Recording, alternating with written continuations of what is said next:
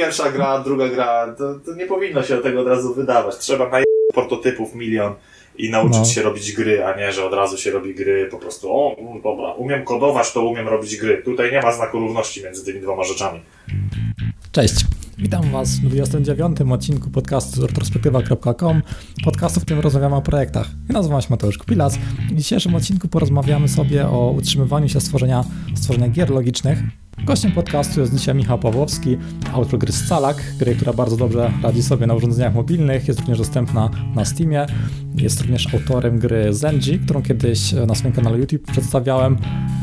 Sporo, sporo o game designie, zdecydowanie jest to odcinek dla osób, które programują i chciałyby robić gry. Dużo osób myśli, że umiejętność programowania jest równoznaczna z tym, że potrafimy robić, robić gry, a jak się okazuje, nie do końca. I myślę, że dla takich osób jest ten odcinek najbardziej wartościowy. Jeżeli macie jakieś tam umiejętności techniczne i chcielibyście robić dobre gry, gry, w które się dobrze gra, to jest odcinek dla Was. Zapraszam.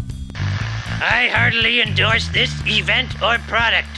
Sponsorem odcinka jest mój projekt IT Startup Gra Karciana. Jeżeli lubicie karcianki typu Magic the Gathering czy Hearthstone i chcielibyście zagrać fizyczną grę karcianą o świecie IT, gdzie zagrywamy programistów, wzmacniamy ich wiedzą i podkradamy sobie dział HR, to zapraszam pod itstartup.pl. Cześć Michał, witam Cię w retrospektywie. Cześć Mateusz. E, przedstaw się proszę słuchaczom, kim jesteś, czym się zajmujesz. Mm, jestem Michał Chomik Pawłowski i od kilku lat zajmuję się robieniem gier komputerowych, konkretnie gier logicznych. Dzisiaj będziemy rozmawiać o, o Twoim projekcie e, Scalak. To będzie ten główny projekt, który poruszymy. Oprócz tego e, kojarzę właśnie, że stworzyłeś jeszcze grę Zengę, Art of Gravity i parę takich tytułów, które teraz chyba o wszystkich, wszystkich nie możemy mówić, bo odcinek będzie za długi.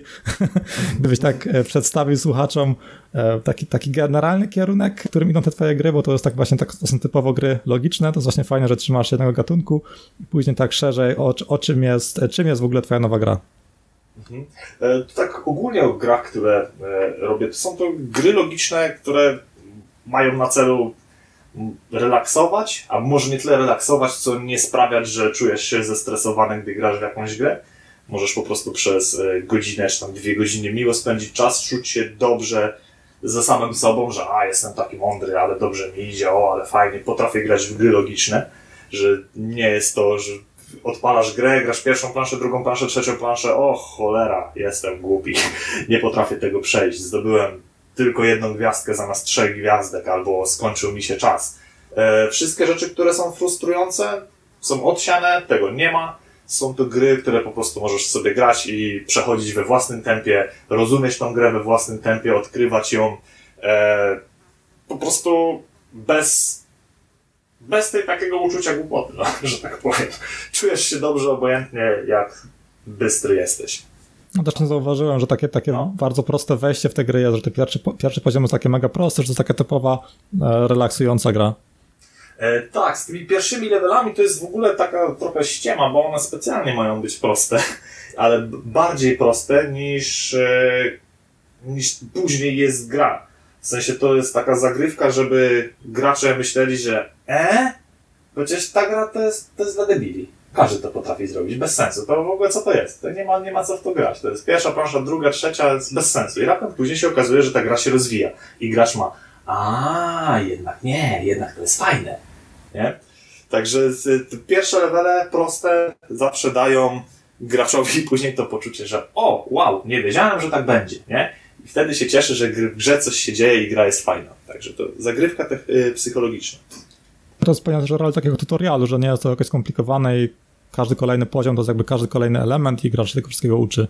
Mhm. Tak, tak, dokładnie. No tutoriale, nie mamy gier w tutorialach, yy, znaczy nie mamy tutoriali w grach. Yy, staramy się robić wszystko, żeby gracz sam odkrył grę, jej zasady, żeby jakby każda rzecz, która się pojawia na ekranie i którą on zrozumie, żeby była jego. To ma być jego doświadczenie, to ma być jego odkrycie i to ma być jego jakby zderzenie się dwóch kuleczek w głowie, że a, to o to chodzi. Bo dzięki temu raz, że gracz bardzo dobrze rozumie zasady, a dwa, gracz chce grać w grę od samego początku. Tak przynajmniej mi się wydaje. Gracz nie chce czytać 10 stron tutoriala, albo zapisywać sobie na kartce, jakie są zasady gry, żeby później e, pamiętać, co zrobić na danym levelu, nie? Także właśnie przez ten tutor, y, tutorial w postaci odpowiedniego level designu, czyli stworzenia odpowiednio e, pofragmentowanych małych części e, mechanik jest e, bardzo fajną rzeczą dla gracza, bo on dzięki temu naprawdę wczuwa się, że to on odkrył tą grę i to jest coś, co to jest jego nie tyle wyzwanie, co jakby to powiedzieć mm, jego sukces. O, jego sukces, że to jest jego odkrycie, nie?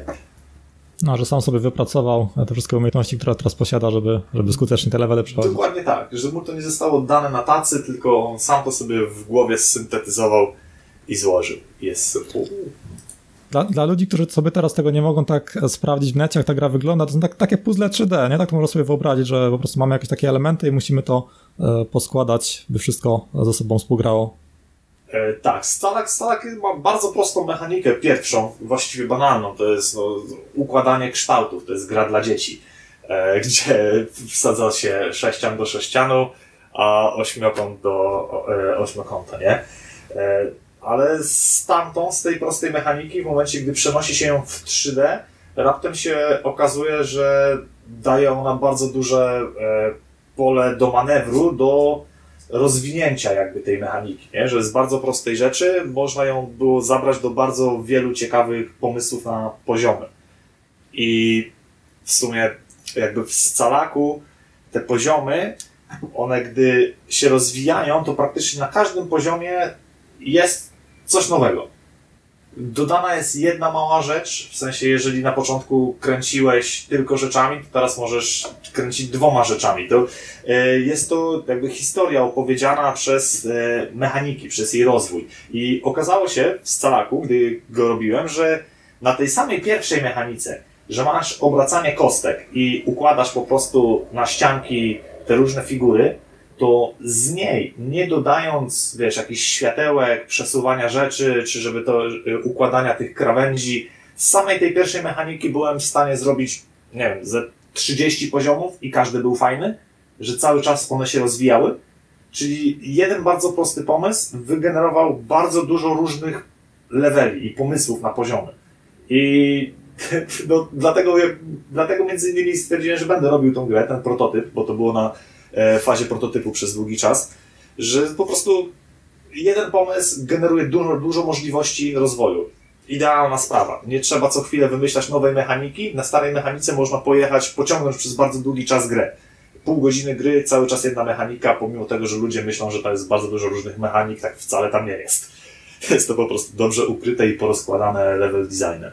No kiedyś właśnie słyszałem odnośnie ga- game designu, to było chyba na, w toku na temat projektowania gier karcianych od e, głównego projektanta Magic the Gathering i tam właśnie projektant mówił o czymś takim, że w game designie każdy element powinien zostać wykorzystany przynajmniej e, w trzy różne sposoby i jeżeli służy tylko jednej rzeczy, to powinien zostać wyrzucony z gry. Po prostu zamiast wrzucać masę mechanik, które robią różne unikalne rzeczy, to powinno być dużo takich właśnie ciekawych rzeczy, które na różne sposoby się jakby zazębiają. Że to jest taka dobra zasada w game designie, że jakby jed- jedna rzecz powinna zostać wykorzystana wielokrotnie, a jeżeli jest wykorzystywana raz, to znaczy, że coś w tym game designie jest e, nie tak. że coś kuleje. Tak, to, jest bardzo dobra zasada. E, Rzeczywiście, jak teraz, znaczy, nie słyszałem jej w ten sposób e, przedstawionej, ale rzeczywiście, jak teraz o tym pomyślę, to staramy się bardzo mocno kierować czymś takim podczas tworzenia, e, podczas tworzenia gier. Że, żeby nie próbować maskować braku czegoś w grze przez dodanie kolejnej rzeczy. Jeżeli ta pierwszy podstawowy zestaw mechanik, czy też dynamik, które mamy w grze, jeżeli one nie spełniają wielu funkcji naraz, to znaczy, że mamy złą mechanikę i powinno się szukać nowego prototypu. Ludzie bardzo często, ja tutaj mogę mówić głównie o grach logicznych, no bo to jest taka moja mała działka, małe pole, na którym się trochę znam. Nie dużo, ale troszeczkę. E, I ludzie, szczególnie początkujący, którzy tworzą gry logiczne, Ich głównym pomysłem na gameplay jest to, żeby wziąć najbardziej prostą mechanikę, jaką tylko można zrobić, typu, nie wiem, chodzenie sześcianem. I że na tym sześcianie będzie na jednej ściance coś, na drugiej coś i trzeba odpowiednio wcisnąć tymi różnymi ściankami rzeczy, które są ułożone gdzieś na planszy. I ta mechanika sama w sobie jest nudna jak flaki z olejem. Ale tak bardzo nudna. Po prostu była już wiele razy robiona, nic ciekawego z tego nie wychodzi i w tym momencie taki twórca, gdy ma taką mechanikę i mówi, no gra się, ale tak, tak po prostu się gra, nie ma niczego ciekawego. Dodajmy licznik czasu, nie? i oni dodają licznik czasu, żeby średnią mechanikę, bądź też złą mechanikę zamaskować przez dodanie jakiejś tam trudności, że w tym, w tym momencie się robi faktyczny challenge. Ale pierwsza mechanika, która buduje grę, wciąż pozostaje no, kiepską mechaniką, jakby, no nie? E, I bardzo często właśnie ludzie, gdy nie mają tej pierwszej fajnej mechaniki, dodają tutaj licznik czasu, tutaj jakieś gwiazdeczki, tutaj ograniczona ilość ruchów, które można zrobić. E, I o ile jest to fajne dla pewnej części ludzi, bo są ludzie, którzy są achieverami, nie? Oni bardzo lubią żyłować statystyki, lubią mieć jak najkrótszy czas, jakieś time ataki robią i tak dalej, ale e, to jest bardzo mała nisza a cała reszta ludzi, którzy grają w gry logiczne, oni e, chcą mieć bardzo dobrą mechanikę. Oni szukają tej dobrej, nowej, fajnej mechaniki, nie? A nie po prostu czegoś, co jest, e, czego braki są maskowane przez ponakładanie kolejnych dziwnych rzeczy na siebie i wychodzi z tego często bardzo straszna hybryda niestety. Tak jest chyba często jak ludzie, którzy e, przechodzą z takiego e, programowania komercyjnego oprogramowania, przechodzą do tworzenia gier, tworzą sobie jakąś grę, dodają tam masę feature'ów, pracują nad tym, wszystko fajnie działa, ma nawet czasami jakieś testy napisane, a później, a później się okazuje, że ta gra po prostu, no to w ogóle nie ma fanu, nie ma w ogóle frajdy z grania. No niestety tak jest. Podejrzewam, że wszyscy, e, wszyscy game devi e, byli tam, ja też tam kiedyś byłem, e, po prostu do gry z czasem zaczynają wychodzić coraz lepsze. Natomiast pierwszy projekt, szczególnie gdy przechodzi się z programowania komercyjnego i bardzo mocno myśli się zero-jedynkowo, to jesteśmy programistami, informatykami, e, musimy myśleć zero-jedynkowo często, to, to się nie sprawdza w, w game designie bardzo często i pomimo tego, że udaje nam się zrobić kompletny produkt, cały projekt, e, który ma fajną grafikę, ciekawe animacje, e, ładnie wygląda, prezentuje się. To są te wszystkie części techniczne, które jesteśmy w stanie się nauczyć przez oglądanie tutoriali, e, po prostu podglądanie, jak robią te rzeczy inni. E, I to można skopiować bardzo łatwo i wsadzić do własnej gry. Ale nie ma wtedy jeszcze takiego jakby wewnętrznego kompasu, którym się człowiek kieruje, żeby wiedzieć, dlaczego gra jest dobra, czym jest gra, co sprawia, że gracz chce przejść jeszcze jeden poziom albo chce pograć jeszcze kilka minut, prawda? I to po prostu, to przychodzi z czasem. Zawsze z czasem, ale no, często jest, wydanie pierwszego projektu bywa zniechęcające i ludzie po prostu odgaszają wtedy e, temat i nie robią tego dalej, nie ciągną tego, tej przygody z game designem, a to, bo to tak na dobrą sprawę nie chodzi o programowanie, ale chodzi o game design. Robienie gier to jest game design, a nie po prostu pisanie linijek kodu. Ja, ja nie jestem, nie uważam się za dobrego programistę, zacząłem programować jak miałem 25 lat, lat no nie, wtedy pierwszą linijkę kodu napisałem w życiu, także no, nie umiem tego robić zbyt dobrze, ale tego gracz nie widzi. Gracz widzi grę i gracz gra w grę. Mówiłeś właśnie, że można się nauczyć tych technicznych rzeczy z tutoriali, a masz może jakieś źródła odnośnie nauki game designu, z których e, się czegoś uczyłeś? Bo na przykład osobiście e, pamiętam, była taka seria chyba na kanale Extra Credits odnośnie game designu i to sobie kiedyś zobaczyłem i to Pamiętam, że bardzo przyjemna jest to seria i na pewno e, podlinkuję ją pod podcastem dla zainteresowanych. Masz może jakieś swoje źródła odnośnie nauki game designu, które byś mógł polecić? Wiesz co, powiem Ci szczerze, że Extra Credits są świetnym miejscem startowym. Tak naprawdę to rewelacyjnie są tam porozkładane główne właśnie rzeczy, które sprawiają, czym gry są i dlaczego gry są dobre. E, oprócz tego warto jeszcze sobie słuchać toków na GDC e, i to jest, jest jeszcze taka jedna metoda i to jest metoda na introspekcję, że po prostu samemu się szuka w sobie, dlaczego ja lubię grać w tą grę, co sprawia, że ta gra daje mi fan dlaczego zostałem wciągnięty na trochę dłużej. Te szczere odpowiadanie sobie na pytania wewnętrzne, analiza wewnętrzna obcych gier, no, sprawia, że rzeczywiście można wyciągnąć dużo fajnych wniosków e, i to się będzie, e, to się, to się później przekłada na e, no, zrobienie lepszych gier. Ale jeśli chodzi o źródła zewnętrzne, szczerze mówiąc, nie znam ich zbyt wiele. E, jest jedna książka, Art of Game Design. Moment, sprawdzę, sprawdzę, kto to dokładnie wydał. Się wydaje, że tak to się nazywało. E, tak, Jesse'ego Shella. E, I Jesse próbuje w niej odpowiedzieć właśnie na pytania, e, co sprawia, że gry są dobre, e, jakoś usystematyzować to wszystko i skategoryzować, tylko że na samym początku książki mówi, że nie ma na dobrą sprawę, e, to nie jest ścisła nauka, prawda? Nie można napisać konkretnych teorii, bo co osoba to w inny sposób to wszystko troszeczkę postrzega, ale y, jego książka i jego analiza tematu jest naprawdę bardzo fajna, otwiera oczy na wiele rzeczy, także z takich faktycznych książek, materiałów, y, to polecałbym właśnie Art of Game Design Jesse'ego Shella. Nie oczywiście jako główny kierunek i kompas, ale jako takie inne spojrzenie na temat, nie? To jest bardzo fajnie rozpracowane i gorąco polecam tę książkę. Okay, to książka będzie podlikowana pod odcinkiem wraz z innymi rzeczami. Mm, to jeżeli przeszlibyśmy do, do technologii, narzędzi, no właśnie z jakich, jakich technologii e, ko korzystasz e, tworząc swoje gry logiczne, jakie narzędzia wykorzystujesz, może nie tylko do, do samego tworzenia gry, ale na przykład czy wykorzystujesz coś do planowania projektu, coś typu Trello czy Hack and Plan, jaki jest, jaki jest generalnie twój taki ekosystem tworzenia gier? E, jeśli chodzi o narzędzia, to głównym narzędziem do robienia są czarne notesiki z Empiku. E, są ładne, fajne czarne notesy, które w środku są białe, mają czyste kartki. E, mam tych notesów zapisanych naprawdę bardzo dużo i po prostu tam projektuję gry. Robię to wszystko na kartce w starodawny sposób. Dużo prototypowania i stamtąd wchodzimy do Unity. W Unity faktycznie piszemy jakieś proste prototypy, patrzymy jak to wygląda. Nie wiem, czemu używam liczby mnogiej, robię to sam.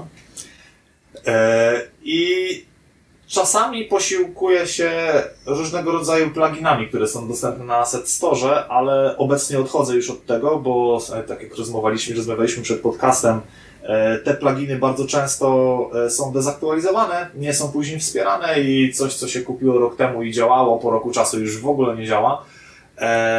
Ale były okres, gdzie rzeczywiście tego używałem i bardzo mi to oszczędzało czasu pracy. Bo wyznaję zasadę, że nie ma co drugi raz wymyślać koła. Jeżeli ktoś coś zrobił przede mną, to najpierw spróbuję skorzystać z jego rozwiązań, bo prawdopodobnie poświęcił temu bardzo dużo czasu, a e, ja nie jestem osobą, która będzie pisała jakiś, wiesz, własny system na zrobienie nie wiadomo jakich cząsteczek, czy na analizę e, nie wiem, czasu gry, albo dodawania jakiegoś cofania czasu, różne dziwne rzeczy. Po prostu staram się tego nie pisać, unikać jak ognia. Ja chcę zrobić grę, a jakby komponenty, z których składam grę, jeżeli one są dostępne na rynku, ja mogę z nich skorzystać i przyspieszą mi czas pracy, bo ktoś to napisał, poświęcił na przykład rok czasu na napisanie jakiegoś plugina i on rzeczywiście bardzo fajnie działa, to ja z wielką chęcią mu zapłacę i z tego e, rozwiązania skorzystam.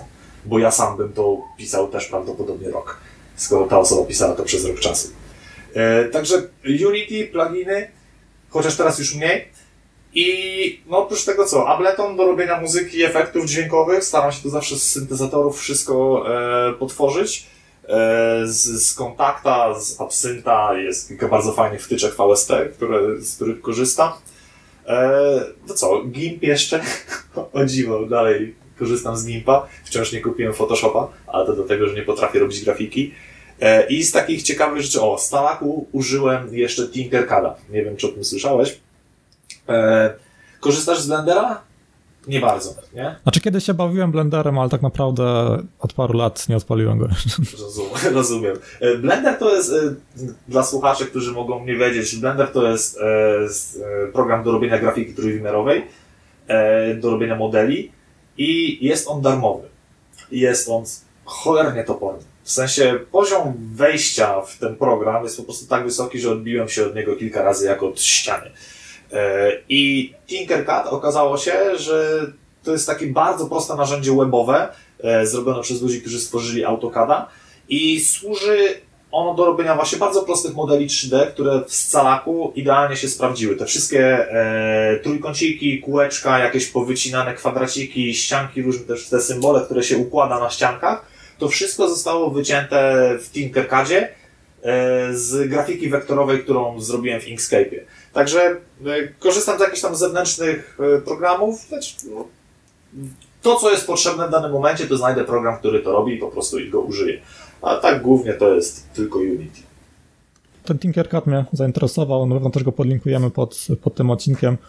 No. Wydaje mi się, że to e, może być ciekawe. Takie, takie proste, proste webowe narzędzia, które robią tylko jedną rzecz dobrze, E, mam właśnie dobre doświadczenia, że zamiast rzucać się, rzucać się właśnie na coś takiego jak Blender, to jest naprawdę masa takich e, webowych narzędzi, nawet do pixel artu kiedyś widziałem takie jakieś narzędzia. Tak, I... tak, dokładnie. E, znaczy, wiesz, to jest taka e, trochę szkoła m, mm, mądrego zarządzania czasem, bo ja owszem, mogę się nauczyć Blendera, ale spędzę przy tym dwa miesiące, a Tinkercada ogarnąłem w pół godziny. I robiłem to, co mi jest potrzebne do mojej gry w danym momencie, bo ja wiedziałem, co mi jest potrzebne. Byłem w stanie po godzinie czasu obcowania z, z Tinkercadem po prostu tego wyprodukować pełno. Nie? To działało. Gdybym miał zrobić, gdybym miał to robić w Blenderze, to, to są dwa miesiące pracy, miesiąc pracy. Nie chciało mi się po prostu tak długo tym zajmować. A tak to narzędzie działa dobrze, szybko, sprawnie, odpalam, od razu wiem, gdzie jestem, jest dobrze napisane, czemu miałbym z tego nie skorzystać, czemu miałbym się męczyć z czymś, co jest dużo lepsze, ale potrzebuje dużo więcej czasu, żeby z tego skorzystać.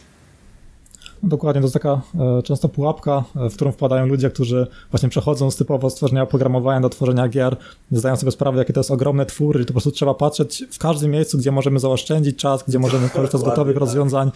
Nawet kiedyś czytałem taką historię e, takiego web dewelopera, który zwolnił się z pracy, zaczął robić gry w pełnym wymiarze godzin i stwierdził, że zacznie pisać bloga o swojej grze, ale uważał, że, że korzystając z WordPressa jest takie, o, za proste i pierwsze dwa tygodnie pracy pełnoetatowej to pisał własny system blogowy zamiast tworzyć gry, że to...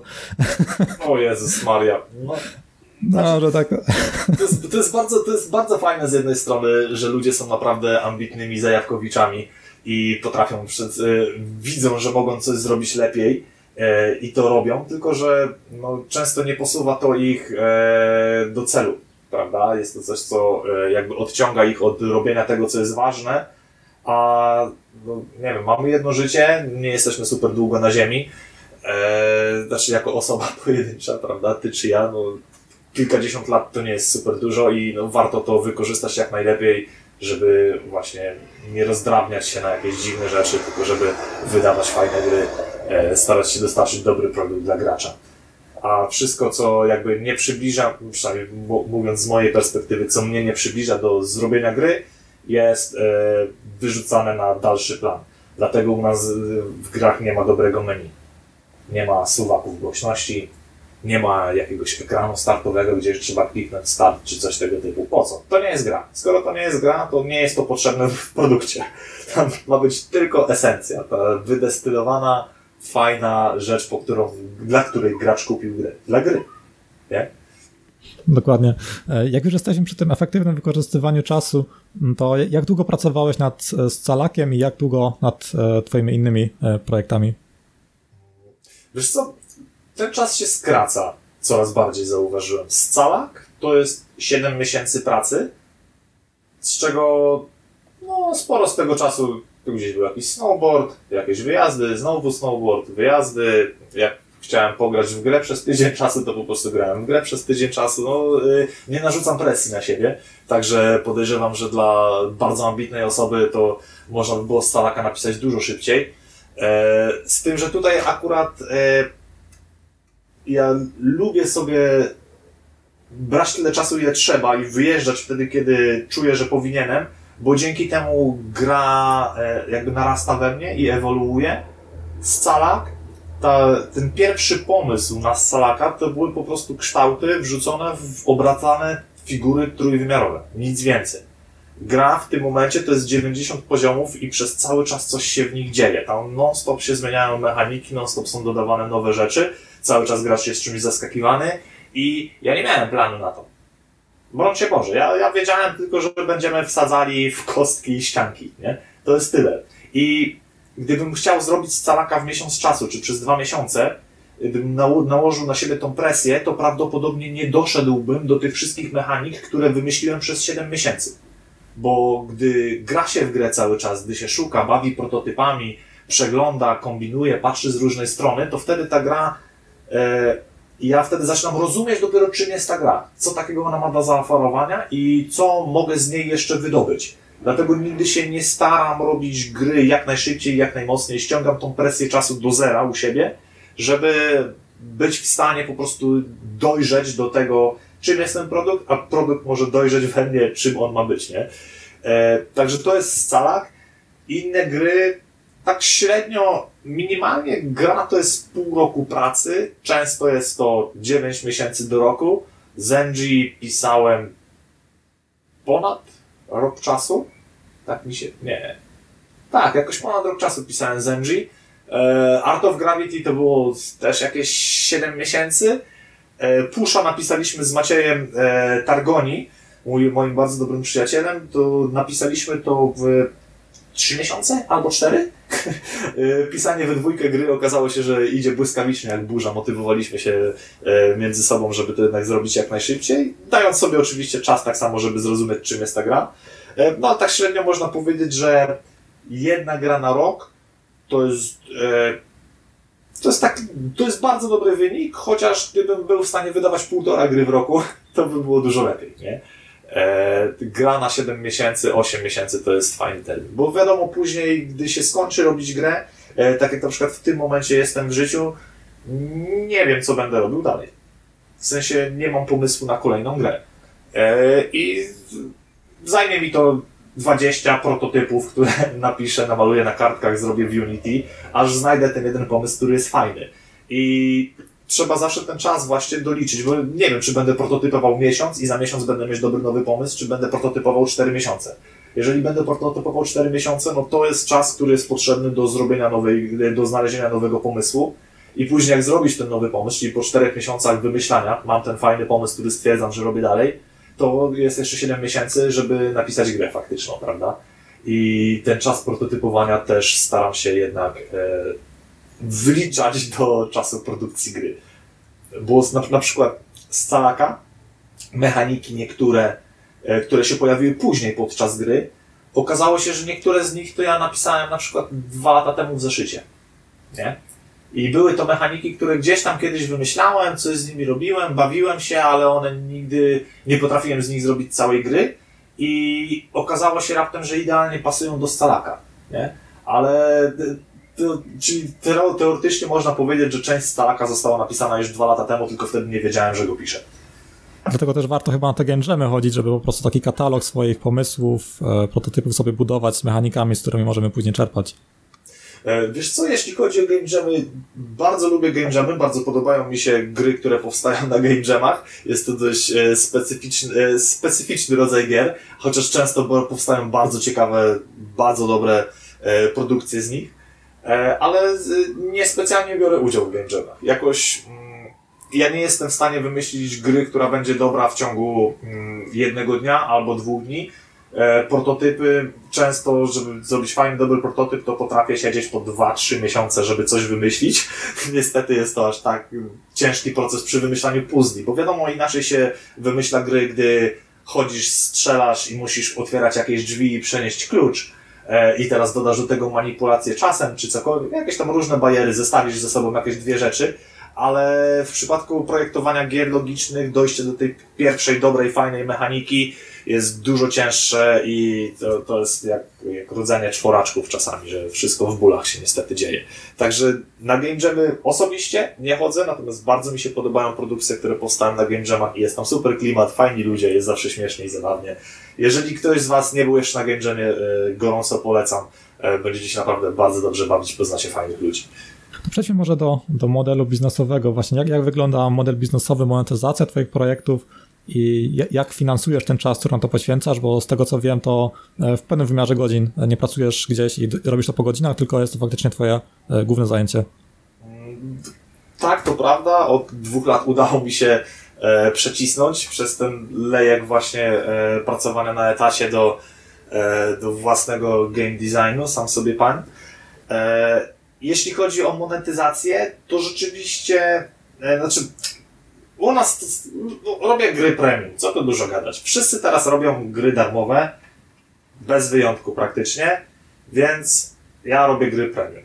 Z tego prostego powodu, że jest tam raz, że mniej tłoczno, można się łatwiej wbić, nie ma konkurencji takiej dużej, dłużej się zostaje w rankingach i listach. Chociaż mm, to nie jest główny powód, ale jest to jedna z takich rzeczy, o których wa- warto sobie pomyśleć, e, że tam, gdzie idą wszyscy, to warto pójść w drugim kierunku dokładnie, nie iść za tym owczym pędem.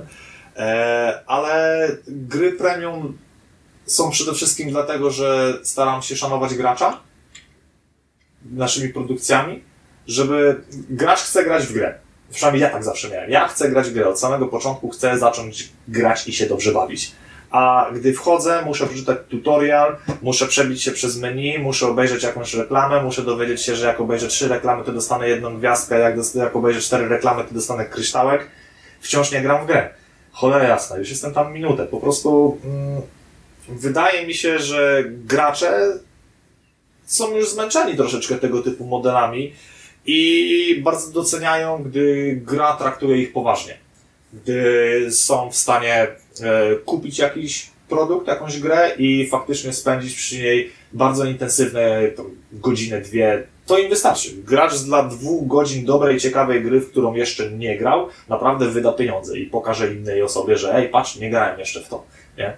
E, Gry free to play są wszystkie dość, dość podobne do siebie, bazują na podobnym schemacie monetyzacji. Są tam bardzo dobre gry, naprawdę są fajne gry na rynku, ale no, osobiście mm, nie przepadam za tego typu modelem i zamęczeniem mnie e, różnego rodzaju reklamami, powiadomieniami i tą całą resztą, która jest dookoła. E, I jeszcze jedna rzecz, premium utrzymuje się dłużej. W sensie, jeżeli ma się dobry produkt, który tam trafił do jakiegoś odbiorcy i rzeczywiście jest ileś tam tych osób, to e, no co mogę powiedzieć? Dwa lata po wydaniu Zenji wciąż się sprzedaje bardzo dobrze. Wciąż nie muszę myśleć o tym, żeby wracać na etat, gdybym miał tylko tamtą jedną grę. No? I pozostałe gry też dokładają do tego swoją cegiełkę w długoterminowym planie jest to e, lepsza opcja niż zrobienie gry free to play, bo e, po prostu one bardzo szybko znikają i e, zmieniają się. No chyba, że chyba, że tam zastosuje jakieś się różne systemy treadmill, jak to się mówi po polsku?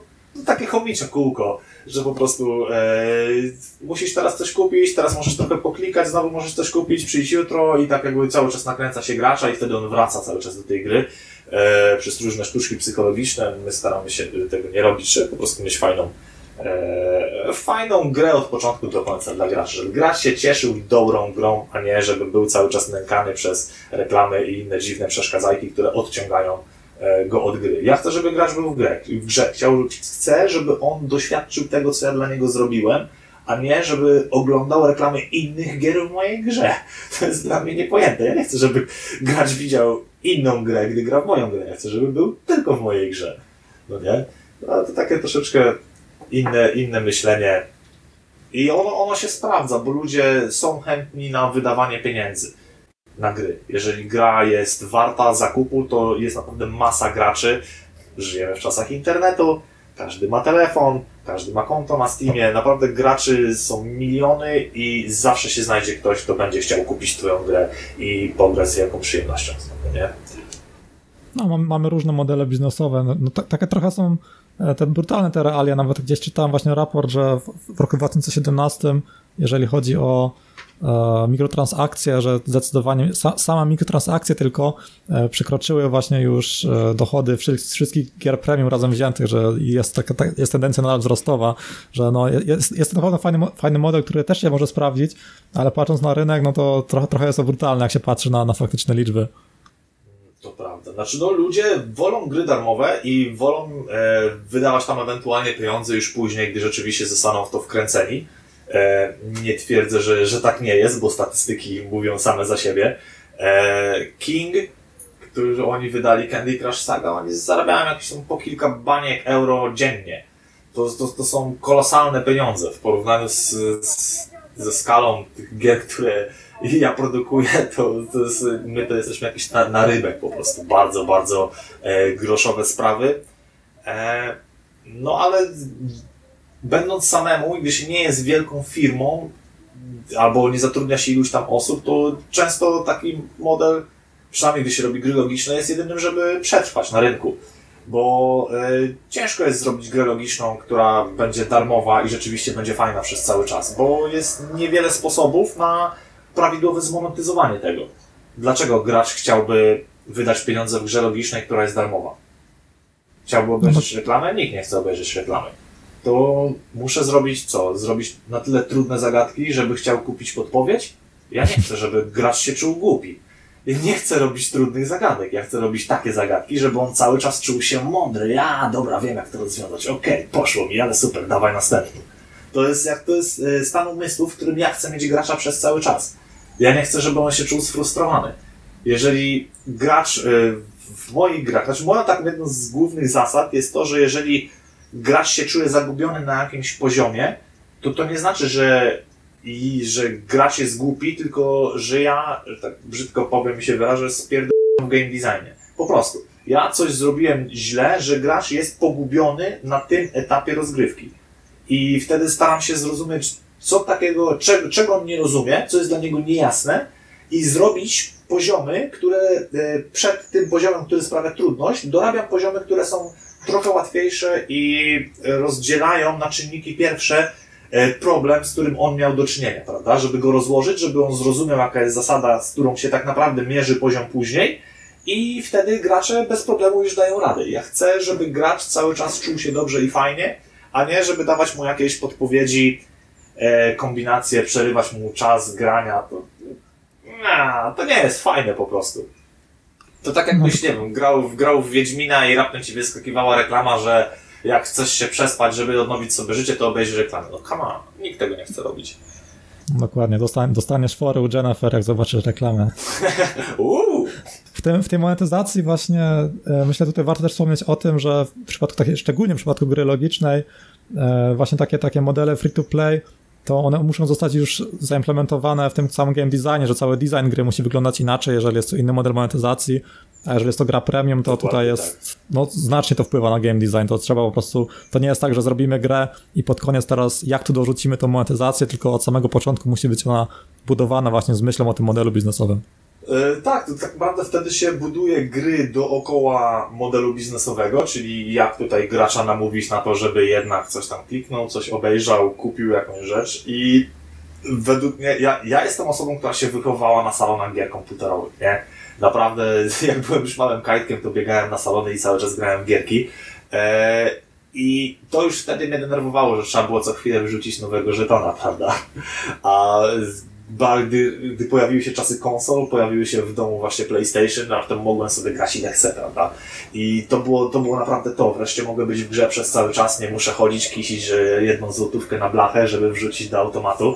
E, tylko faktycznie można było e, grać przez cały czas i, i to, jest, to jest fajne według mnie, że możesz grać w grę, która jest zbudowana po to, żebyś ty się czuł dobrze, czyli ja buduję gameplay gry dookoła tego, żebyś ty miał fajną przygodę z grą, a nie, że buduję wszystko dookoła tego, żeby gracz e, dał, dał złotówkę. No, nie? To, znaczy, może to się sprawdza biznesowo, ludzie zarabiają na tym olbrzymie pieniądze, ale e, to nie jest sposób na wyrobienie sobie marki, rozpoznawalności.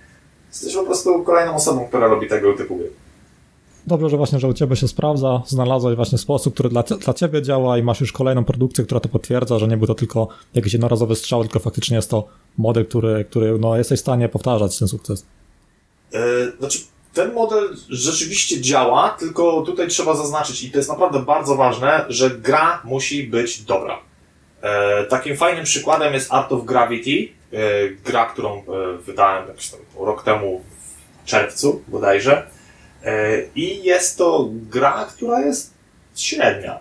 Nie będę kłamał, jest to, nie, nie miałem za bardzo pomysłu na grę, a fajnie się rozwalało rzeczy, więc do rozwalania rzeczy w środowisku trójwymiarowym dorobiłem jakieś różne mechaniki, przez które rzeczywiście przeprowadzam gracza i coś tam się dzieje przez te dwie godziny gry, bo mniej więcej tyle się w to gra. Ale mm, ta gra zwyczajnie nie była super dobra. I sprzedała się średnio. Zarobiłem na tym swoje i owszem, można przeżyć, jest cegiełka dołożona do tej małej e, kubki, na którą, się, na którą pracują wszystkie te gry, ale nie była to gra dobra. I ten model premium, on się naprawdę sprawdza tylko w przypadku, gdy gra się bardzo podoba graczom. Jeśli ma się średnią grę albo kiepską grę, to się na tym nic nie zarobi, bo nikt nie będzie chciał jej kupić. E, To także to jest, e, jest bardzo ciężko uzyskać tego pierwszego, pierwszego użytkownika, pierwszego gracza, e, żeby im się spodobało, żeby powiedzieli dalej. Dużo prościej jest e, uzyskać ten pierwszy start w grach freemium, bo zwyczajnie każdy, a dobra, nic nie kosztuje, ściągnę, zobaczę co to jest, prawda? Także mm, ten model w przypadku puzli u nas się sprawdza, ale też nie zawsze. W sensie, znaczy potwierdza się po prostu to, o czym tutaj mówię, że jeżeli gra nie jest dobra, to wtedy się na, na niej nie zarobi. I, i sam, sam tego doświadczyłem nie raz, nie dwa. I nawet e, robiąc jakieś gry, które odniosły wcześniej sukces, to kolejna gra wcale nie musi takiego sukcesu odnieść. E, trzeba po prostu robić wtedy kolejne gry dalej, nie? Cały czas mówiliśmy o tym, co wyszło, co się sprawdza.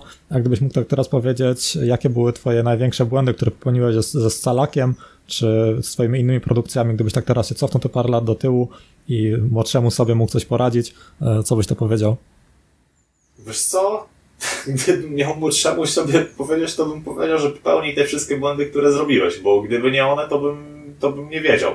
Nie wiedziałbym na co uważać, czego unikać i tak dalej. No, jeśli chodzi o Stalaka, nie wydaje mi się, że podczas produkcji były jakieś błędy, wszystko poszło bardzo gładko, ta gra powstała praktycznie sama. Ona się sama zrobiła, to była pierwsza gierka, którą jak zacząłem ją robić, to chwilę później była skończona i działała zarąbiście i przez cały etap produkcji, gdy dawałem grać ludziom, a naprawdę masa ludzi z internetu pomogła mi w testowaniu tej gry e, z opiniami, z różnymi fajnymi poradami e, na temat tego, czego nie rozumieją, co, mogę, co można zrobić lepiej i tak dalej i ja ich słuchałem i dzięki temu ta gra taka, e, taka powstała.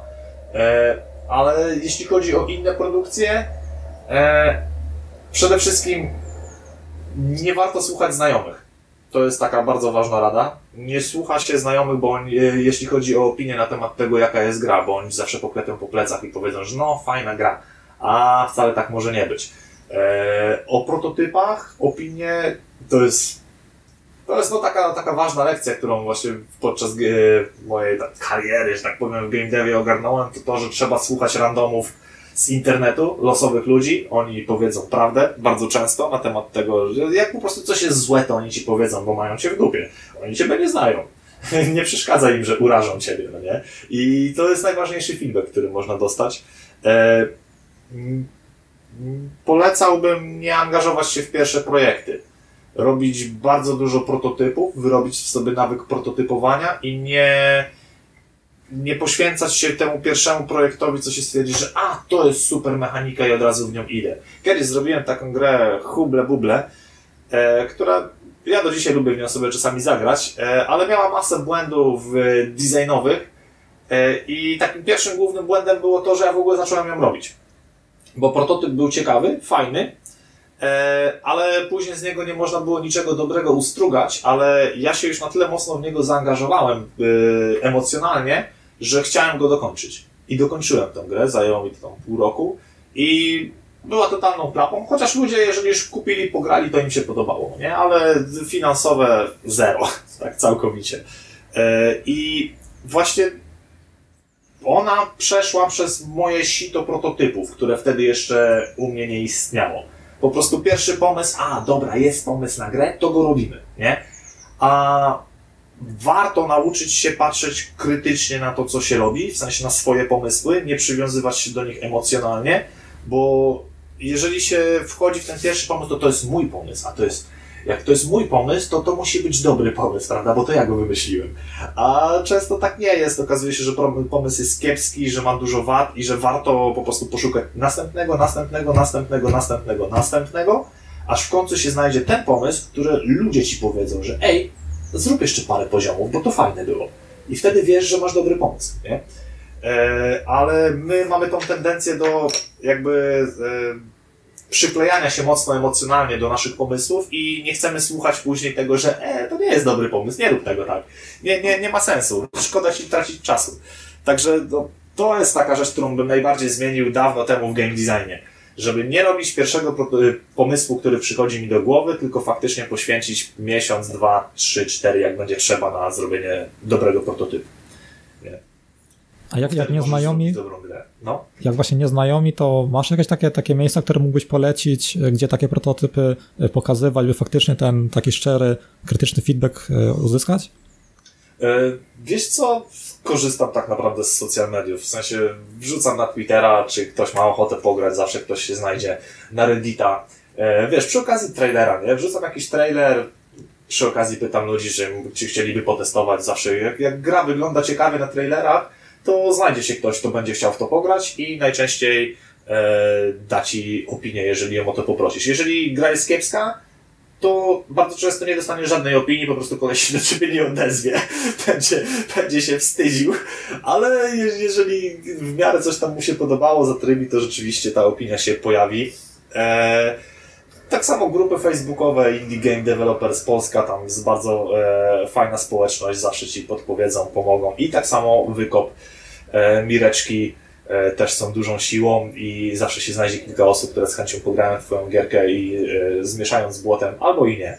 E, natomiast gdy mieszają z błotem, to trzeba umieć e, czytać między wierszami, co oni tak naprawdę ci mówią do powiedzenia. Jeżeli mówią, że gra jest e, trudna, to najprawdopodobniej ja zrobiłem trudne poziomy i gdy zrozumiem, co jest trudnego, to będę wiedział, czego nie robić na poziomach i się okaże, że gra wcale nie jest trudna, tylko ja to trudno zrobiłem, prawda? Bo nie wiedziałem, że gracz e, może w ten sposób pomyśleć na przykład, no nie?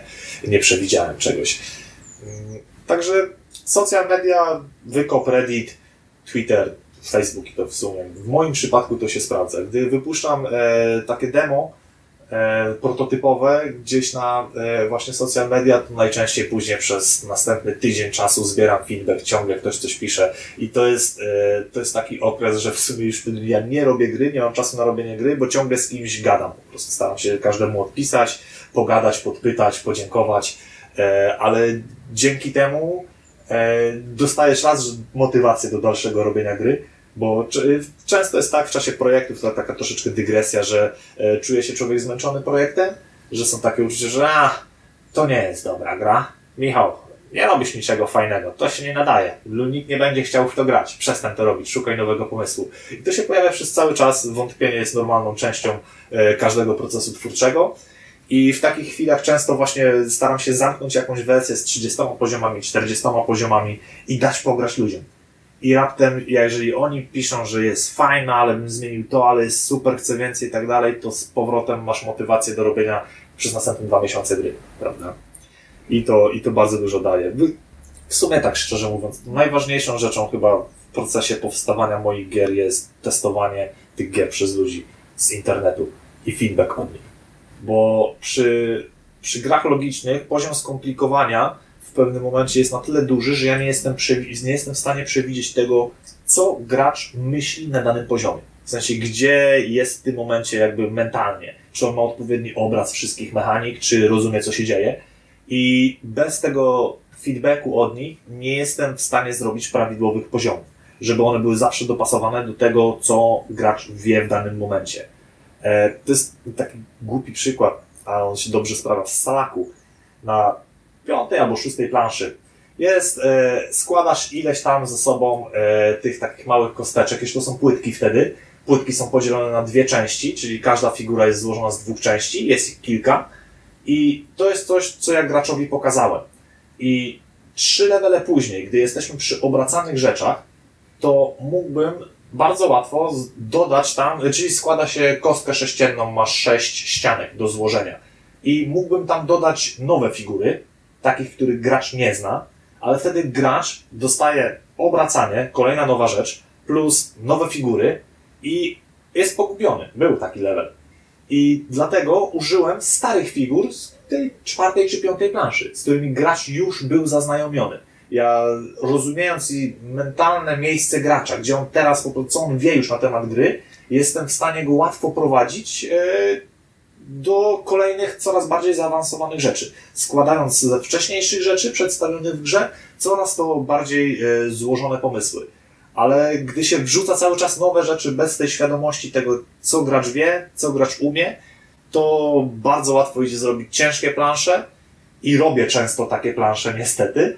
I gdyby nie ten feedback od graczy, że ej, tutaj raptem nie wiem o co chodzi, nie rozumiem kompletnie tego poziomu, co jest grane, to gdyby nie to, to naprawdę ciężko jest zrobić grę, że zawsze gracz wie, gdzie się znajduje, nie? Także feedback, zbierajcie ile się da, bo gracz prawdę ci powie. Dokładnie, podobnie, podobnie miałem właśnie jak, jak grę karcianą wymyślałem też, od, jak, jak zrobiłem taki prototyp do samodzielnego druku, który ludziom udostępniłem, to później te Pamiętam, zdjęcia. Bardzo duży sukces, prawda? Gratulacje w ogóle mam. Aha, dzięki. Właśnie, właśnie tam też był taki moment zwątpienia, jak w każdym projekcie. I jak udostępniłem prototyp do samodzielnego druku i zaczęły do mnie docierać zdjęcia po prostu ludzi, którzy drukują sobie tą grę i samodzielnie grają, to tu widzę, że tutaj przy jakichś tam browarach sobie ludzie to w pracy grają i coś i dawają feedback, to właśnie był taki element przełomowy, że to faktycznie no się podoba, że to takie, no zdecydowanie to daje kopa. To robić dalej, nie? Że Tak, no, tak, może dokładnie. coś jest na rzeczy, że to jest to fajne. No. Według mnie warto często e, i dość szybko dawać właśnie pomysły do oceny graczom, bo my właśnie przez ten bias tego, że to jest nasza produkcja, nie mamy tego prawidłowego spojrzenia z zewnątrz. Nie? Przy, przyklejamy się do tego, że to jest nasz pomysł i on jest dobry, a jednak e, spojrzenie zewnętrzne często daje e, prawidłowy obraz tego, co tworzymy. Przejdźmy może do, do reklamy, marketingu. Właśnie jak, e, jakie działania podejmujesz, by, by reklamować swoje, e, swoje gry i jakie są tego efekty? No tutaj może nie tyle zaskoczę wszystkich, co powiem taką e, prawdę, co może wielu ludzi myśli, że tak nie jest, ale tak naprawdę jest. E, ja nie robię marketingu jako takiego. Tak zero. W ogóle. Jedyne co, jeżeli można nazwać marketingiem wprowadzanie produktu na rynek, to jedyne co robię, to piszę do pracy i to też ograniczam się do dwóch, trzech głównych portali. Jest to Touch Arcade, jest to Pocket Gamer. Po prostu jak mam jakiś trailer, staram się wydać dwa trailery e, przed, w trakcie produkcji, prawda? Żeby prasa już wiedziała z czym się, e, z czym się mierzy, czym, jaka to jest gra i żeby napisać do Apple'a, że ej, może chcielibyście featureować moją nową grę, zobaczcie jaka ładna. E, to takie dwa trailery, wysyłam to do, na Touch Arcade, do Pocket Gamera i w sumie tyle. Czasami na jakiegoś Reddita wrzucę i na Indie Game Developers Polska właśnie. E, I podczas i to jest tyle. Mój kontakt z prasą naprawdę ogranicza się do wysłania dwóch trailerów i podczas, e, jak wysyłam drugiego trailera, to wysyłam im klucze, żeby sobie pograli. Oni rzadko w to grają, zazwyczaj na podstawie trailera piszą recenzję. Chociaż jak gra jest wysoko w rankingach, to wtedy są na tyle mili, żeby pograć najpierw w grę, zanim napiszą recenzję. E, I to jest, to jest kontakt z prasą. I oprócz tego podczas wydania gry używam e, mocy mireczków i mocy wykopu. E, po prostu staram się rozdać moją grę w jak największej ilości sztuk każdemu, kto o nią poprosi za darmo.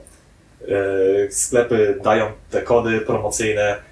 Na Androida jest to 500 kodów na kwartał, na iOS-a tylko 100, chyba że zrobi się update, wtedy ma się kolejne 100 kodów, a na Steama można dawać ile się chce.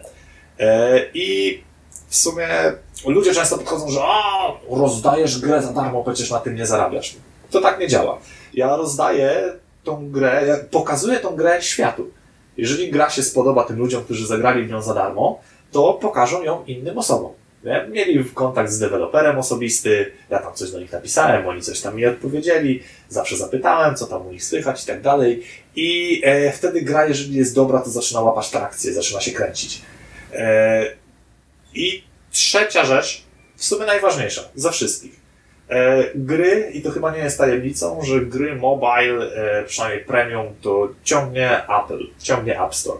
Jeżeli nie jesteś featurowany na App Store, twój tytuł nie jest wysoko w ranki, w te, na tej top liście, no nie, która się pojawia w New and Updated, no to nie zarobisz pieniędzy. Po prostu. Tytuł się nie sprzeda. Także trzeba podbić do Apple'a, trzeba podbić do Apple'a z jak najlepszym trailerem, z fajnym opisem, trzeba pokazać to, co jest unikalne w grze. Nie pisać tego, co piszą wszyscy o swoich grach. Bo to jest, każdy tak robi. Trzeba napisać to, to, czym faktycznie jest Twoja gra, dlaczego jest unikalna, dlaczego jest inna i dlaczego oni chcieliby ją e, promować u siebie na sklepie. I póki co ta technika się bardzo dobrze sprawdza. Apple featureował e, no, od dwóch lat wszystkie gry, które zrobiliśmy, tak ja, jak i e, Maciej Targoni, albo razem jak zrobiliśmy gierki. Mówię tu o Macieju, bo z Maciejem jesteśmy do, od, od wielu lat przyjaciółmi, no, tak wielu, wielu, nie wiem, znamy się od 20 roku życia jakoś, a teraz 34 na karku będę mieć niedługo, także już kupę życia i razem rozkminiamy te gierki, także mamy dość podobne gry, e, jest to podobny styl, często się spotykamy, razem tworzymy, kombinujemy, prototypujemy, także e, to na pewno widać w naszych produkcjach, że one są dosyć podobne, ale e, też razem właśnie rozkminiamy, jak to zrobić, żeby te gry działały, żeby się sprzedawały i bardzo dobrze to działa, czyli pisze się do Apple'a, tak po prostu, pisze się, jest formularz kontaktowy, ej, weźcie, featureujcie naszą grę i jak im się podoba, to oni to rzeczywiście feature'ują i są w stanie dać bardzo wysokie pozycje na sklepach razem z banerami i wtedy sprzedaż jest naprawdę bardzo, bardzo fajna. I gra trafia do szerszej publiczności i no, przez długi czas wtedy już się utrzymuje na rynku. Tak właśnie mówisz, że, że to mało tych rzeczy reklamowych robisz, ale jak to wszystko słuchałem, to jak tak znam niektórych, niektórych ludzi, którzy włas, e, własne produkcje wydali na Androida i tak dalej, to oni nawet połowy nie robili tego, co ty, że to nie jest tak, że nic nie robi, że faktycznie są to jakieś konkretne działania. E, Jeżeli chodzi o ten Touch Arcade, prowadziłeś tam development vloga na, na forum, czy tylko, tylko pisałeś do prasy, by newsa wrzucili? Wiesz co, y, zawsze wrzucałem na forum informacje o grze. Prosiłem tam też ludzi, o, te stamtąd też biorę beta testerów, tak przy okazji. O, dzięki, że, że przypomniałeś. E, Ale development bloga nigdy nie prowadzę z tego prostego powodu, że nie jest to robienie gry. Jeżeli ja nie robię gry, to tego nie robię. Wszystkie czynności, które odciągają mnie od robienia gry, typu pisanie bloga albo robienie strony internetowej czy coś, to ja tego nie robię. Bo to mi i tak nie zaprocentuje. Jeżeli Apple nie featureuje mojej gry, to ja mogę napisać wszystkie blogi świata, a nie zarobię na tym ani grosza, po prostu. taka, jest, taka jest brutalna rzeczywistość na chwilę obecną. Jeśli Apple nie da feature'a, to jest pozamiatane i robisz następną grę z nadzieją, że tym razem się uda. Także no, staramy, się, staramy, się tego nie, staramy się tego nie robić. No to na koniec chyba jeszcze zostało tylko e, zapytać o twoje plany na przyszłość. E, właśnie rozwijasz jakoś dalej e, jakąś z twoich gier, czy może teraz już robisz e, coś kompletnie nowego, e, czy teraz chyba aktualnie prototypujesz, z tego co kojarzę. E, Wiesz co, wygrałem, wydałem grę tydzień temu, także ciężko powiedzieć, że zacząłem prototypować. Zawsze tam coś e, na kiblu w zeszycie sobie maluję, jakieś nowe rzeczy, ale na chwilę obecną nie jestem jeszcze w fazie prototypowania nawet. E, Teraz po prostu chcę chwilę odpocząć po wydaniu Scalaka. E, Cieszę się, że on, że, że on dobrze wyszedł, że ludziom się podoba. E, Bardzo dużo ludzi chce nowe plansze w Scalaku i pierwszy raz jestem, no, poważnie rozważam dorobienie jeszcze jakiegoś expansion packa, e, kilkudziesięciu leveli. Głównie na starych mechanikach. Nie mam już sił na wymyślanie nowych mechanik i dopisywanie kodu do Stalaka, bo boję się, że wybuchnie. tak po prostu. Już to jest na etapie, że teraz tylko Bóg wie, jak działa ten kod, już nawet ja nie wiem. E, I co? Zrobić. A, właśnie, stare gry wydajemy na Switcha. Na Nintendo Switcha. Udało nam się dorwać do, e, do devkitów. Mamy już zielone światło od e, Nintendo, że możemy wydać u nich gry. E, I to jest nowy rynek, na którym my właśnie przez wakacje e, będziemy pracować na tym, żeby e, wsadzić tam wszystkie nasze stare tytuły, e, które mamy. A później, później nowa gra. Nie mam pojęcia jeszcze, czym ona będzie. Mogę tylko powiedzieć, że na chwilę obecną rozkminiam mm, wymiary jeden wymiar, dwa wymiary, trzy wymiary, w sensie układy kartezjańskie, no nie? I później cztery wymiary. Jest to bardzo fajne i ciekawe, nie mam bladego pojęcia, co z tego wyjdzie, ale no chwilowo to jest takie moje hobby, kto wie, może zrobię z tego jakąś grę, ale nie liczyłbym na to, szczerze mówiąc. Czy może podpytam o tego Switcha, to, to Nintendo się jakoś do was odezwało, czy, czy wy uderzaliście jakoś w tym kierunku? E, Do Nintendo trzeba napisać. E, Jest tam gdzieś formularz kontaktowy. Nie, jest, jest jakiś mail u nich na stronie, na, e, jak się zarejestrujesz jako deweloper. I jeżeli się odpowiednio e, dobrze podkręci temat, że ma się gry, które się dobrze sprzedały, które mają no, wysoką jakość bla bla bla, że nie jest się świeżakiem w, w branży, to oni wtedy dają dostęp właśnie do development kitów, które trzeba kupić od nich i można wydawać gierki wtedy na Switch. Oczywiście oni je muszą jeszcze później zaakceptować. Z tego co wiem, to nie jest taki proces hop ale jest to, e, jest, to, jest to możliwe jak najbardziej i jest to chwilowo bardzo chłodny rynek, bo jest tam bardzo mało tytułów i ludzie, konsola jest świetna, ludzie ją kochają, także grają na tym i zdecydowanie warto uderzyć w ten segment teraz. No to, to może jak dobrze pójdzie, to za rok cię znowu zaproszę i pogadamy o tej grze na, na Switcha. jak ten proces portowania wygląda. Okej. Mam nadzieję, że będzie prosto to Unity wszystko. Tylko do robienia tych kontrolsów, do joyconu, do telewizora, jak się ma gry, które obsługuje się touchem, no może być to trochę ciężkie, ale pracujemy nad rozwiązaniami. Mamy pewne pomysły, jak to ugryźć. No pozostaje mi jeszcze Ci życzyć powodzenia. Dzięki za rozmowę. E, naprawdę wyszło, Marek. wyszło spoko. Fajnie, fajnie się gadało. Dziękuję bardzo za zaproszenie.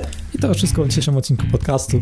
Mam nadzieję, że Wam się podobało. Wszystkie linki związane z odcinkiem znajdziecie pod retrospektywa.com kośnik 29, jak wysadzimy w odcinek podcastu, czyli na przykład linki do, e, do gier, o których mówiliśmy, linki do e, wymienionych książek czy narzędzi. Za tydzień porozmawiamy sobie e, o Giggers Carrots, o takiej organizacji, jak, jak działa taka organizacja, jak można podobną założyć, czyli taki, taki projekt slash inicjatywa za tydzień. E, Jeżeli, jeżeli nic nie wypadnie, bo to dopiero jutro ten odcinek nagrywam, tak mówię, że za tydzień, a możliwe, że tam komuś coś wypadnie, ale tak na 99% za tydzień o Giggers Carrots. E, Zapraszam do odcinka, na pewno będzie ciekawie. I jeżeli chcielibyście wesprzeć podcast, jeżeli Wam się oczywiście podoba, to zapraszam pod retrospektywa.com kośnik wsparcie. Tam możecie zobaczyć, jak możecie to zrobić. E, Nawet bez wydawania pieniędzy możecie wesprzeć podcast przez polubienie na Facebooku czy też ocenę na iTunes. Są to rzeczy, które nic nie kosztują, a wpływają na zasięgi podcastu. Dziękuję Wam za słuchanie. E, Słyszymy się znowu za tydzień, jeżeli oczywiście macie ochotę. Cześć!